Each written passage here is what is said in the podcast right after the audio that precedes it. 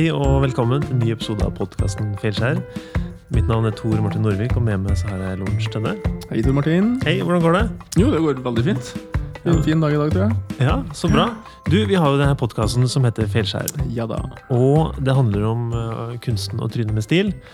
Og reise seg opp i etterkant og fortelle litt hva man har lært. Mm. Eh, og vi slipper jo å fortelle om våre fjellskjær, Ja. for vi har gjester som har lyst til å ta den jobben fra oss. Og det som er så fint, at i dag så har vi faktisk fått eh, Helle Moen. Og hun er regiondirektør eh, for Eggs Design i Trondheim. Og Eggs er relativt rå, tror jeg, på både design og innovasjon. Mm. Er det.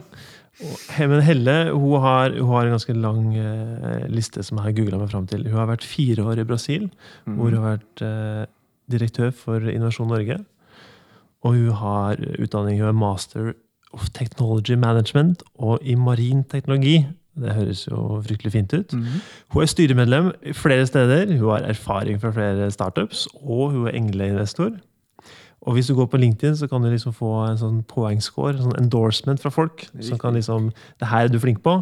Og hun er best på strategi og forretningsutvikling. Der har hun scora høyt. I tillegg til det så snakker hun engelsk, tysk, norsk og portugisisk. Hva tror du, hva tror du eh, er, det, er det rom her for fuckups? Jeg velger å- at vi tar det på norsk i dag. Det på norsk. Ja. Det er så mye fuckup her òg. Jeg, jeg tror jeg det er noe rom for noe fuckups. Ja. Her har det skjedd noe. Jeg er ikke sikker på. Ja, men Fint. Er du klar? Jeg er veldig glad. Jeg gleder meg til det. Velkommen til oss, Helle. Takk. Du, Tusen takk for at du ville komme. Takk for at jeg fikk komme. Det her er jo kjempegøy. Ja, Jeg har jo eh, prøvd å på en måte gitt en sånn liten oppsummering av hvem du er. Men vil du bare kort oppsummere hva gjør du for noe der du jobber? Og ellers en annet du har lyst til å fortelle om deg selv? Ja, I Eggs er jeg regiondirektør, og det betyr egentlig at jobben min handler om å passe på at alle de flinke designerne i Eggs har det de trenger for at de skal kunne gjøre en god jobb. Fordi jeg er jo ikke designer. Eh, Det vil si, jeg er ikke designer av utdanning, men jeg er det av overbevisning, pleier jeg å si. Fordi jeg tror veldig på at eh, det å bruke design som innovasjonsmetode, det er noe som fungerer. Og eh, som vi kommer til å se mye mer av framover. Men ellers er jeg, jeg driver som forretningsutvikling og strategi. Det er jo en del av eh, jobben min. Og eh, har kontakt med kunder. Ja. Det er de artige tingene. Ja, ikke sant? Jeg sendte jo deg en mail og spurte om du hadde lyst til å være med i denne podkasten. Og så sa du at eh, jeg har masse feilskjær. Jeg har feilskjær på business, på investeringer, på kulturforståelse internasjonalt og faglig. You name it. Så eh, hvor, hvor, hvor skal vi starte? Det, jeg tenkte litt på det på forhånd. fordi eh, altså, Du har ikke jobba i 25 år med forskning, innovasjon, forretningsutvikling internasjonalt uten å tråkke i bare mange ganger. Eh, men jeg tenkte at hvis jeg skulle velge ut noen litt sånn goodies da, som ja. er lett å lære av, så tror jeg ja, eh, Noen av de ikke, er ikke helt klar for å snakke om alle ennå. Det tar litt tid å fordøye. Men um, det går litt på viktigheten av å forberede seg. Og viktigheten av å ha respekt for andre. Så jeg ser at noen av de feilskjæra som fremdeles stikker litt i meg, de er ofte når jeg har vært litt arrogant Ja. eh, og eplekjekk og glemt å forberede meg ordentlig. Um, og den første av de jeg tenkte jeg skulle fortelle om, ja. det var når jeg var Du smiler og gleder seg. Og det er ofte en sånn liten gavepakke. Jeg har sånn den er, ikke, den er ikke sånn kjempestor for andre, men for meg var det kanskje den første sånn virkelig følelsen av å ha gått fullstendig på trynet. Og det, Jeg var relativt nyutdanna. Du sa jo det at jeg er jo opprinnelig eh, marinteknolog. Og har vært forsker i tolv år. Og området mitt var vedlikeholdsteknologi. Altså optimering av vedlikehold for tunge marine systemer. Så jeg, jeg kan litt om motor og sånn eh, et sted. Og jeg hadde blitt invitert til å presentere et paper. et Ganske teoretisk paper på en konferanse i, eh, i Sveits. Som forsker, da? eller? Som forsker. Mm, ung, uh, forsker. Ung kvinnelig forsker i et mannsdominert miljø. Og eh, som den forskeren jeg var, så hadde jeg jo en hel haug med sånne fine overhead-foiler. For det her var jo pre-powerpoint. Så gammel er jeg. Og eh, hadde egentlig ikke, var ikke så opptatt av hva jeg skulle si, for alt sto jo på disse foilene. De var jo tettskrevne med formler og greier. Og så var det jo sånn det ofte er, at eh, det var jo et mannsdominert miljø, og det var god stemning, og kvelden før var det jo både barebesøk og what not. Så jeg var litt sliten dagen etterpå, men dette skulle gå bra. Inn på scenen, par hundre mennesker, kjempediger sal. Eh, første jeg gjør, er å droppe den bunka med foiler i gulvet. Og de var ikke nummerert. Nei. Og de så jo klin like ut alle sammen, ikke sant? tettskrevne med, med formler. Eh, uten å gå noe videre inn i det, det gikk ikke så veldig bra. Og hva lærte jeg av det? Jo, for det første, forberede, forberede, forberede. De prestasjoner jeg har hatt i mitt liv som jeg får aller best tilbakemeldinger på, det er de hvor jeg har forberedt meg sånn at jeg syns det her blir drittkjedelig. Da sitter det. Ja, for da er du så trygg egentlig på hva du skulle si. At Ja, og hvis jeg da skulle ha dumpa den der uh, powerpointen går filleveien, som jo skjer oftere nå, da, så veit jeg likevel. Jeg klarer det uten å ha det hjelpemiddelet. Og det er den andre læringa. Du må aldri være avhengig av teknologi eller andre hjelpemidler hvis du skal ha et budskap. Interessant. Mm. Og det tredje er um, få deg en god natts søvn. Ja, ja, For jeg har en del, altså, jeg har jo flere i den uh, gata der. Uh, du nevnte jo det at jeg har vært i Brasil. ja. Um, og i tillegg Skal jeg bare prate i vei? Ja, Ja, ja, ja, vær så snill. Vi eh, sitter og venter på avbryta, vi. Ja, for jeg kan, jeg kan prate på inn- og utpust lenge. Det er kjempefint. Ja. Men jeg har jo vært i Brasil, eh, og jeg var leder for Innovasjon Norge. Det stemmer. Men eh, i en del land så har man diplomatstatus. Det er en grunn til det, men det trenger vi ikke komme inn på. Så jeg var i tillegg konsul Ja. med kommersielt ansvar. For jobben min var jo å hjelpe norske bedrifter inn i dette markedet. Eh, og så hadde vi hjulpet en eh, fyr fra en eh, stat i sør i Brasil når han kom til Oslo og satte opp en del møter. og sånn for han. Så han inviterte meg tilbake igjen til Rio Grande do Sul, som er denne staten helt i sør.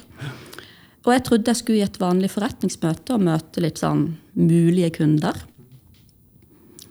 Eh, Så det var jeg forberedt på. Og skulle invitert på grillfest om kvelden. Kult, tenker jeg. Kom er det her helt etter din periode som Det var når jeg var der. Og jeg var ganske der, ny- nylig ankommet. Ja, akkurat. Eh, Og det, det hører jo med til historien at jeg hadde jo jobba med Brasil i mange år, så jeg burde jo ha skjønt det. Men jeg kom nå dit, trodde at jeg skulle på en uh, avslappa grillfest eh, med litt sånn forretningsfolk. Eh, det viste seg at det var en formell middag. Det var grill, ja, men det var en formell middag.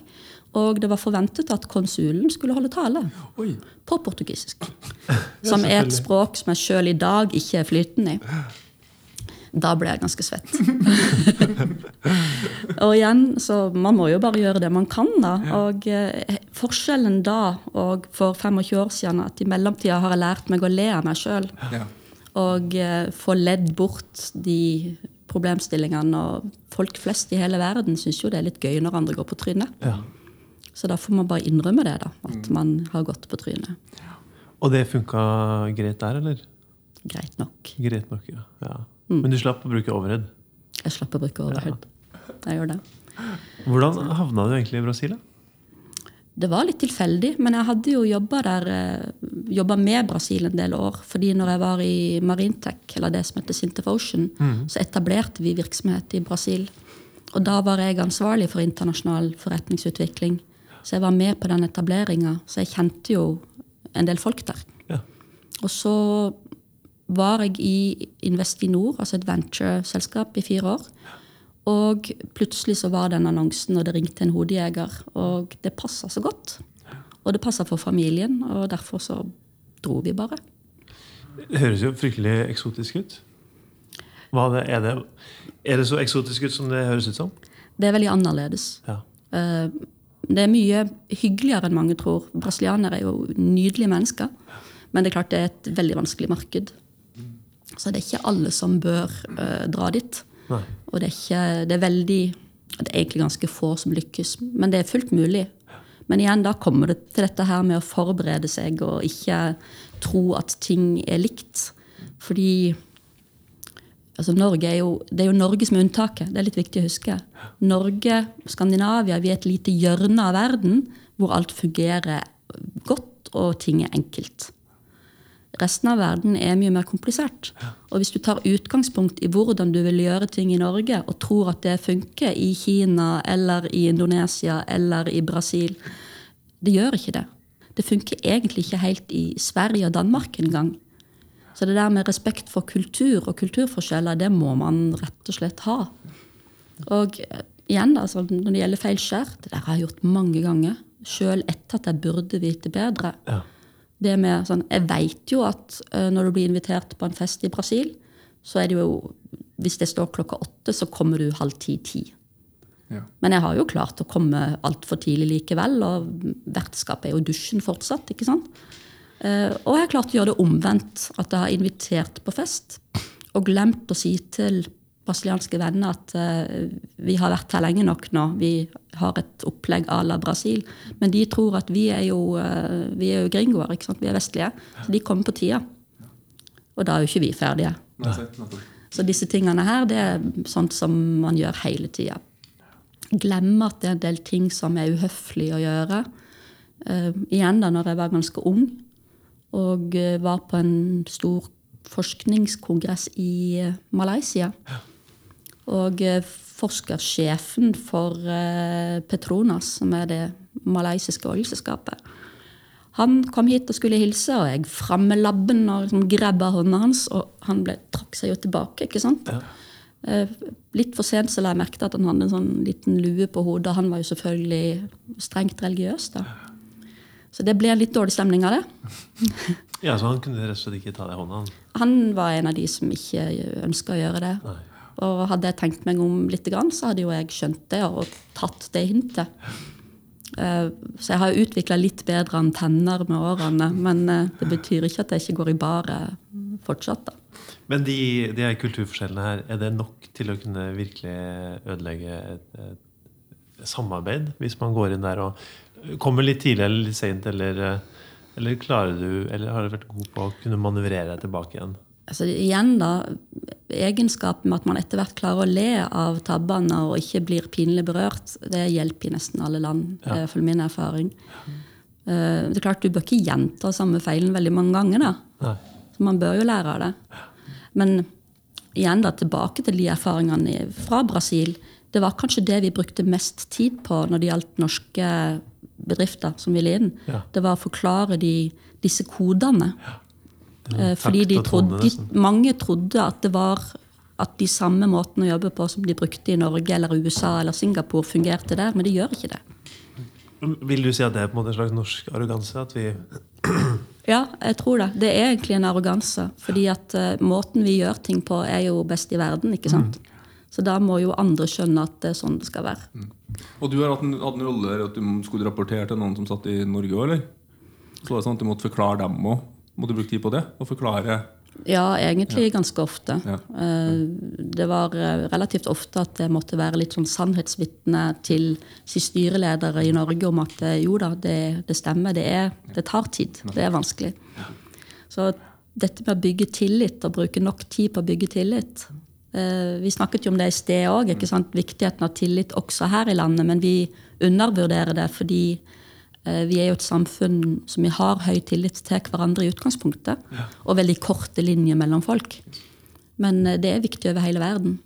Og hvis man ikke tar seg tida til det, så går det ikke noe bra. hva, hva tenker du er de største grunnene til at når nordmenn skal utlandet og, og bygge business, da, at, det går, at det ikke går hjem? Er det pga. at vi kommer dit og forventer at alle skal være som oss?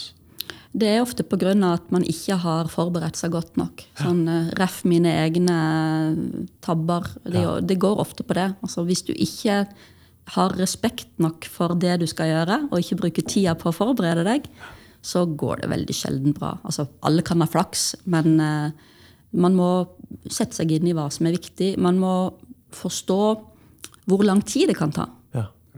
Jeg pleide å si det til folk at hvis du skal inn i dette markedet, så kommer du til å bruke tre ganger så lang tid som du trodde, og i alle fall tre ganger så mye penger. Og så må du ha lokale folk som kjenner, kjenner bransjen og markedet. ja. Så um, ja, det var mange som gikk på en smell, altså. Det var det. I forhold til eh, internasjonalt markedsarbeid, hva er det Hvilke tabber er det du kan trekke fram der? For min egen del, eller Ja. for andre? Ja, for din egen del. Og mange. Altså det, det igjen er med å tro at uh, ting går fort. Altså Du kommer inn i et møte, og det er god stemning, og folk er keen på det du har å tilby. Uh, og du føler at når du har gått ut, er sånn Jepp, denne her, det crusher vi. Det her er kjempebra. Neste stopp er kontrakt. Uh, og da glemmer man ofte bort at vi har akkurat begynt.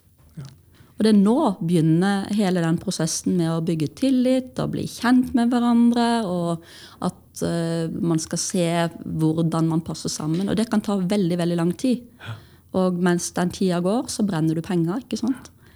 Uh, så det har jeg vært med på sjøl òg. At du tror at uh, ting kommer til å falle på plass på magisk vis, og uh, det gjør ikke Det det. står altså. jo i kontrakten at det skulle det. Ja, du har ikke fått kontrakten ennå, for det tar kjempelang tid å få. Så det er kanskje det, den tabben jeg har gjort sjøl flest ganger òg, er å tro at ting skal gå kjappere. At ikke Jeg har trodd at jeg kan mer om dette markedet enn det jeg kan. Jeg tror En av de tingene jeg etter hvert lærte meg, det var å skjønne når jeg ikke skjønner. Og ikke tro at jeg, dette, jeg skjønner det, jeg, vet hva som er problemet, dette kan vi ordne. Så jeg er blitt mye flinkere til å spørre om hjelp. Ja. Hvordan, eh, hvordan blir man bedre på det? Én ting er at du gjør det i fella og har læring av det. Men for de som eh, kanskje har lyst til å ikke gå i de samme sporene og lære av feil, hvordan, hvordan blir man bedre på å kunne forutse sånn type internasjonalt markedsarbeid? Altså, jeg, vet ikke hvordan det er med andre, men jeg er utrolig dårlig til å lære av andres feil. Jeg tror jeg har vært nødt til å ha de der eh, snublegreiene for å akseptere at jeg ikke kan alt i hele verden. Noe med det. Ja. Og bli litt mindre arrogant. Um, men det er klart, altså det å bare ikke være redd for å spørre om hjelp. Det er fullt av folk som er der for å hjelpe deg. Og eh, snakk med de som allerede har vært der. eh, De som har gjort feilene. Og hør på det de sier. Ikke bare hør på det du vil høre, men hør på det de faktisk sier. Påvirker det du snakker om noe mm, forretningsmodeller og strategier som du eh, Ifølge LinkedIn og folk, mm, det er din sterkeste egenskap. På en måte, det Påvirker det du snakker om nå, hvordan du bygger forretningsmodeller for eh, bedrifter og jegs rundt deg sjøl? Ja, det gjør jo det, og det er jo litt av grunnen til at jeg syns designmetodikk er så bra, fordi du begynner med å gjøre innsikt, du begynner med å forstå brukerne. Og det er jo det samme i hele verden. det. Altså, fordi om du kjenner brukerne i ditt lokale marked, så betyr ikke det at du kjenner brukerne i et annet land. Eh, Så bare den måten å angripe problemstillinger på tror jeg er med å gjøre at flere lykkes. Det å lage en forretningsmodell er forretningsmodellen. Eh, Framfor det noen Ja, kom, egentlig, Ja, ja, og det og- er strategi, som strategi altså, Jeg har litt oppfattelsen oppfattelse noen ganger at en strategi skal vi på en måte få ned på et ark. Men det er jo det å lage strategien sammen som er egentlig Ja, viktigste strategien. ja, og så igjen det der med prøve og teste ut og feile. ikke sant? Det er prototypen forretningsmodell. Det går fint, det òg. Ja, sant. Og jeg må jo si det, da. ehm, Jeg er jo opprinnelig, eh, som du fikk med deg, sivilingeniør. Eh, Og det er en veldig viktig forskjell på ingeniører og designere. Eh, En ingeniør kommer inn i et rom og er ekspert. Vi blir lært opp til det. Vi veit best. Eh, Mens en designer kommer inn i et rom og hører på hva andre sier.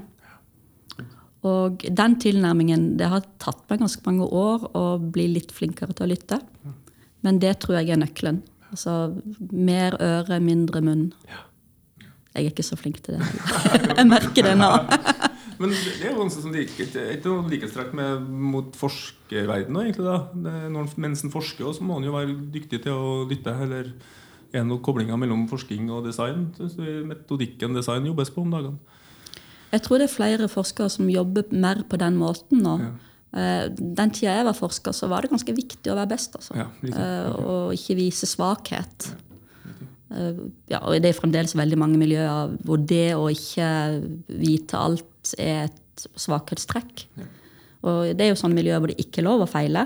Og du, du har én sjanse. Og hvis det er stolpe ut, så er du ute. Hva, du- hva gjør det med folk, tror du? Nei, du vet jo hvordan det er. Altså, det blir risikoavers. Men dette her er litt viktig for meg å få fram. fordi eh, det er jo veldig mye snakk om nå at det er viktig å feile, og det er bra å feile, og det gjør ingenting.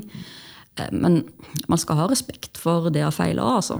Jeg tenker på eh, når jeg, Familien min drev en ganske stor virksomhet der jeg kom ifra. Med en hjørnesteinsbedrift. Liksom par hundre ansatte og internasjonalt marked. Og eh, den gikk konkurs i 89 eh, under den finanskrisa som var da. Det er ikke noe gøy å feile når det plutselig er folk som mister jobben. Altså. Det er overhodet ikke noe sjarmerende med det. Og det samme jeg tenker på hvis du har en startup og noen har investert mye penger i deg. F.eks. hvis jeg har investert mine surt opptjente kroner i deg, og du ikke har respekt for at du faktisk opererer med andres penger, og liksom sånn trekker på skuldrene og ja, ja, det var en feil. Det skal gjøre litt vondt å feile på den måten der. Altså, er det din egen tid, dine egne penger, feil så mye du vil, det er helt greit. Men eh, man skal, du skal jo prøve å lykkes, da. Uten at man skal være fullstendig risikoavers. For du, du må jo ta risiko. Det er ingen tvil om det. Men det er en balanse her som men jeg er litt opptatt av. Strategi og forretningsmodeller, egentlig, retningsutvikling. At det blir en, del, en, så en del av det å teste ut og prototype og tørre å feile må Ja. bli en del av en strategi, og ikke være på en måte mantra. Ja, jeg jeg tror det. Ja. Så jeg Det ligger jo litt i en design thinking og design sprint. Altså fail fast. ja. Feil, feil før det blir eh, helt umulig å feile. Liksom.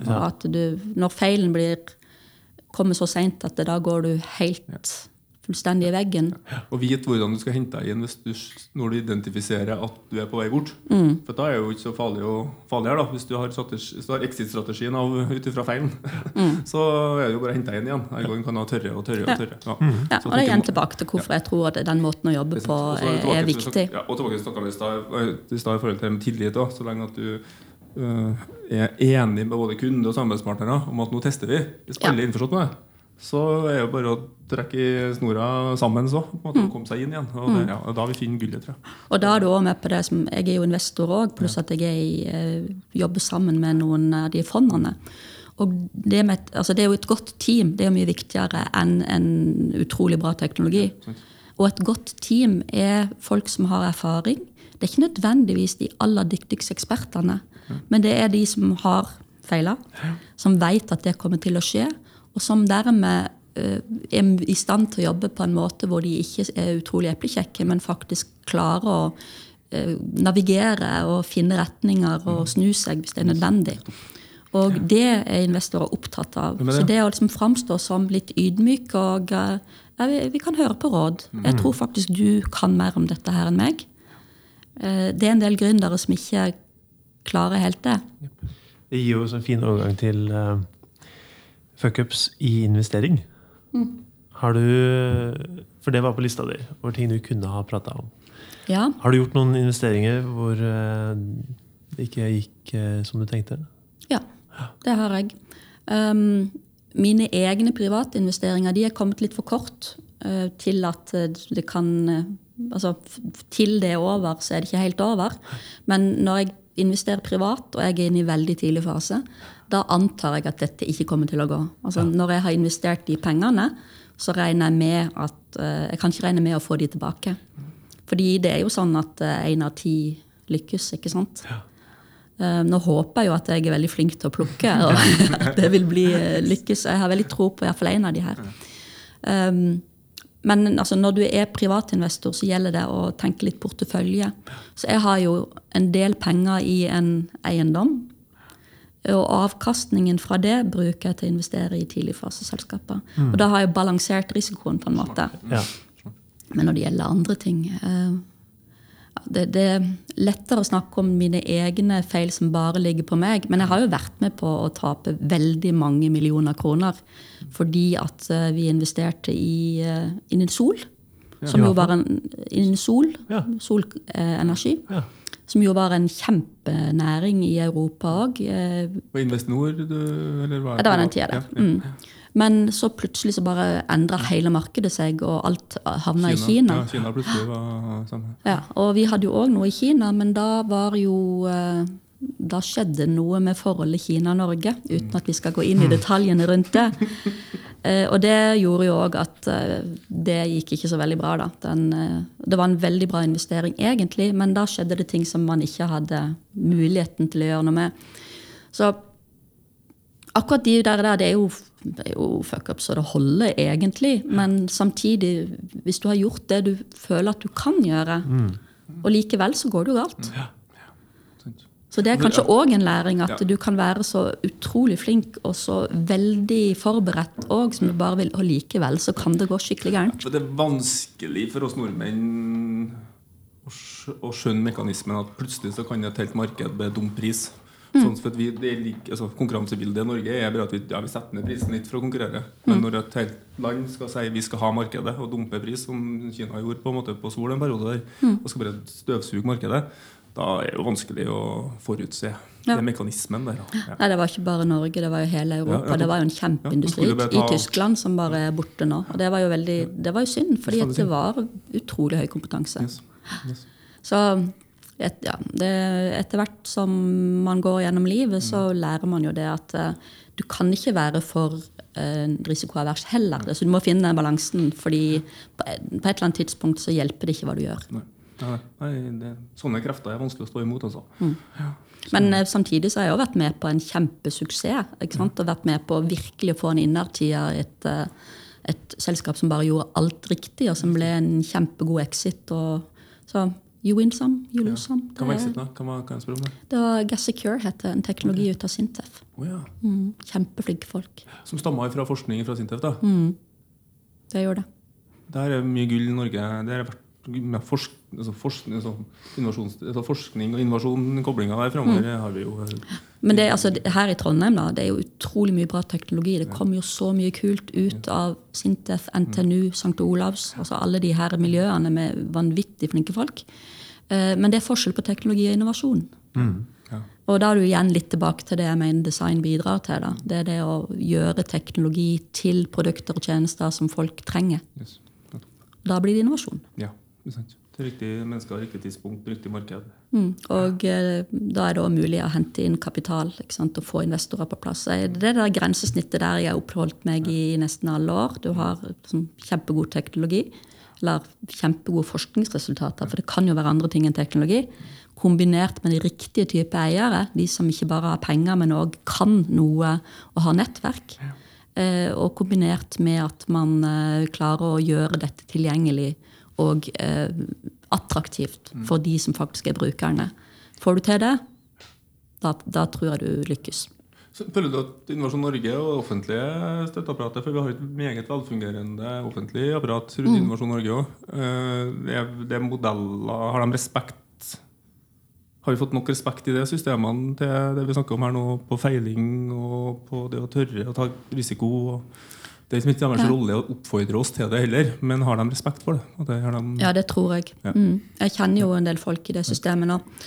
Og eh, for det første så har det utvikla seg. Altså det, det er en helt annen måte å tenke på nå enn det var for bare noen år siden. Ja. Og eh, det er veldig mye flinke folk der. Så det har kommet inn veldig mye folk med solid eh, erfaring. Og altså, hele poenget med, med støtteordninga softfunding er jo nettopp at det kan du bruke til å feile for. Så du får jo en, ikke så mye penger i en tidlig fase, men det er jo helt ok om det da går filleveien. Jeg har jo selv, altså når jeg kom tilbake fra Brasil, så starta jeg opp et uh, eget selskap sammen med, med medinvestorer fra Brasil.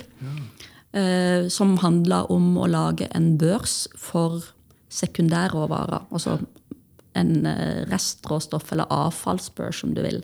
Og det går inn i dette med sirkulær økonomi. Eh, fremdeles en veldig god idé. Nå er det veldig mye mer fokus på det. Eh, på den tida så var det litt færre folk eh, som visste hva det gikk ut på. Og eh, vi bestemte oss for å legge hele greia på is. Det var flere grunner til det, da, men hovedgrunnen var at markedet var ikke helt klart ennå. Og vi fikk jo støtte ifra, altså Vi hadde markedsavklaring fra Innovasjon Norge, og vi hadde òg fått penger fra Climate Kick, som er et sånn EU-program.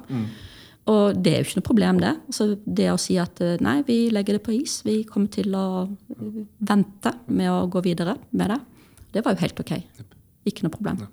For du bare risikerer jo å tape mer hvis du er litt forut for den tid, eller Ja, ja. Du må, altså det å vite når du skal stoppe Ja. det, altså Man skal ikke være pinglete. Man skal jo en grunn, altså De gründerne som virkelig står på og jobber hardt, de lykkes jo oftere enn de som gir seg.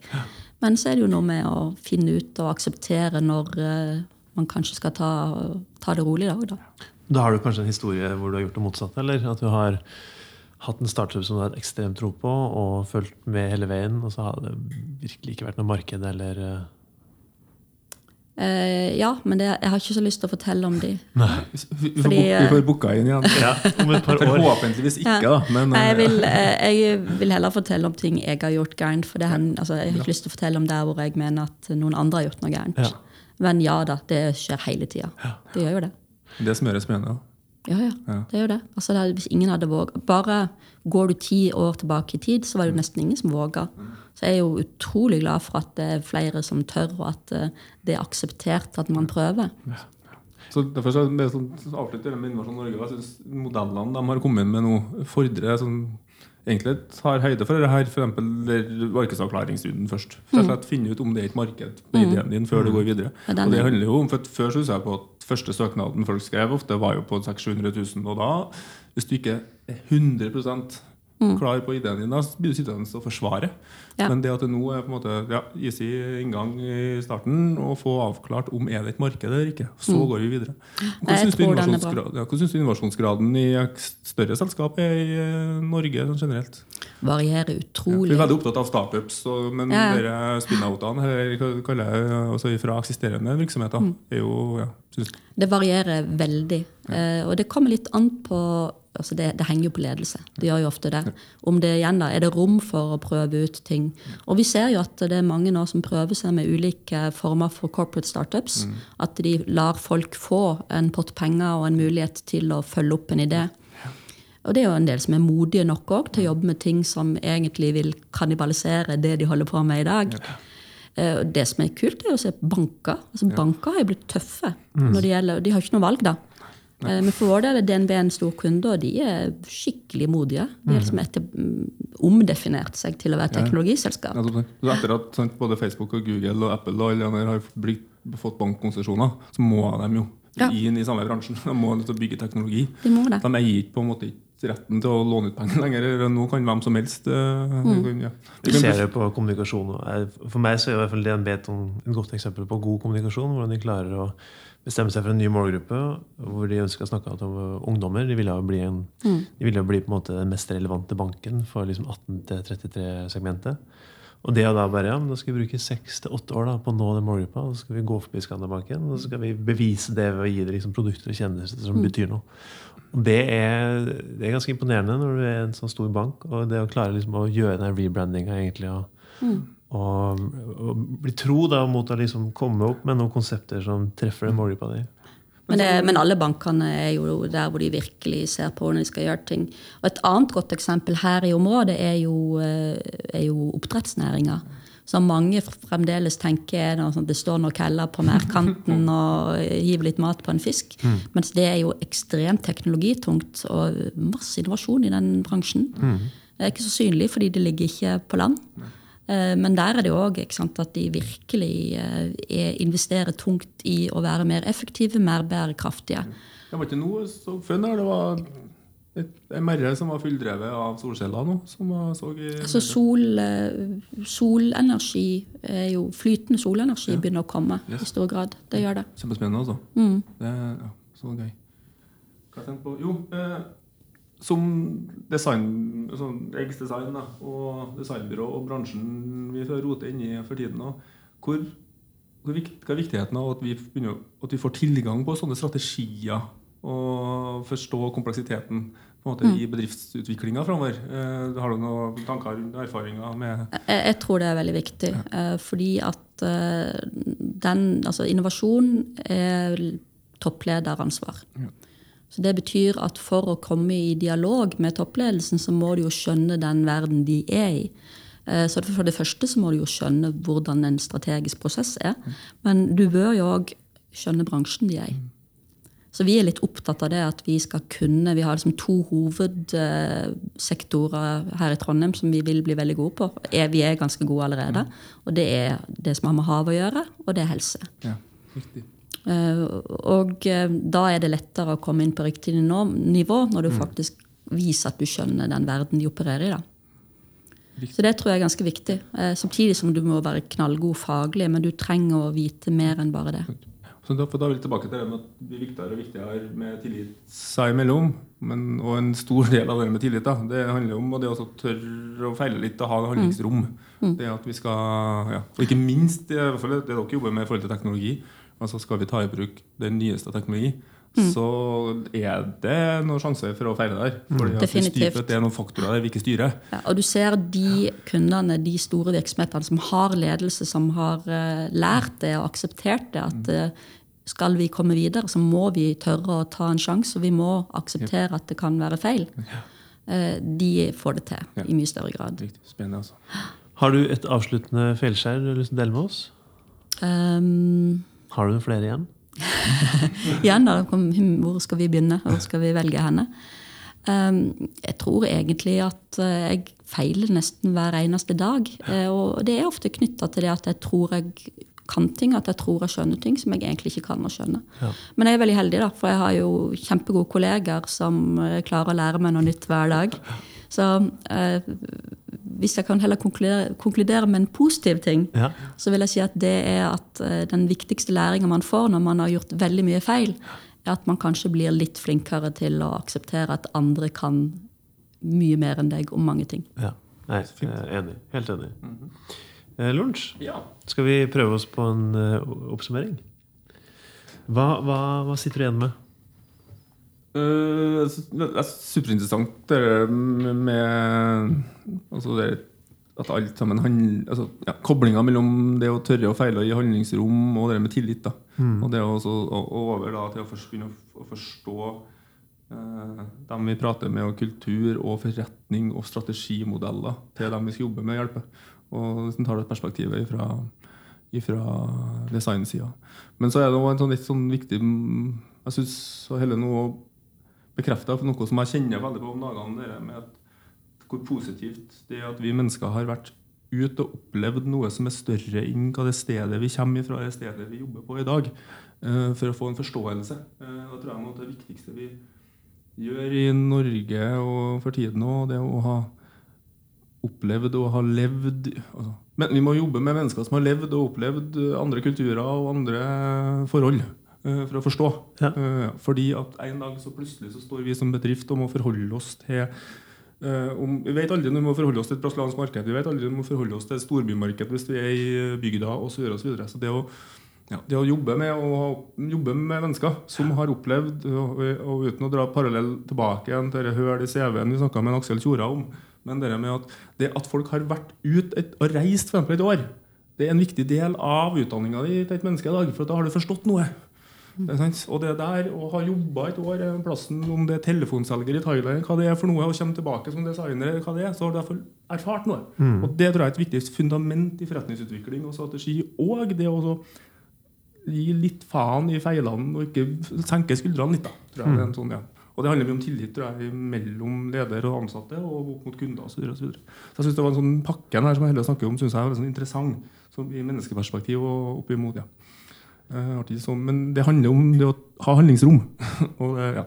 Ja, men det var en fin oppsummering. Jeg tror også at eh, Det er sånne sånn småting som det at når du blir litt eh, voksen har muligheten til å le litt av deg selv, og det å Vi snakka også litt om det her med det å være arrogant Ja. og det å være selvsikker. Og det å på en måte stole på at eh, man vet best. Det er jo noe man kanskje går ut i arbeidslivet og tenker, og så er det noe med at etter hvert så skjønner man ok, jeg må bygge et team av eh, flinke folk rundt meg, sånn at sammen klarer vi å gjøre, eh, gjøre en god jobb. Også det å forberede seg. Og det å Nummerer arkene. Nummerer arkene.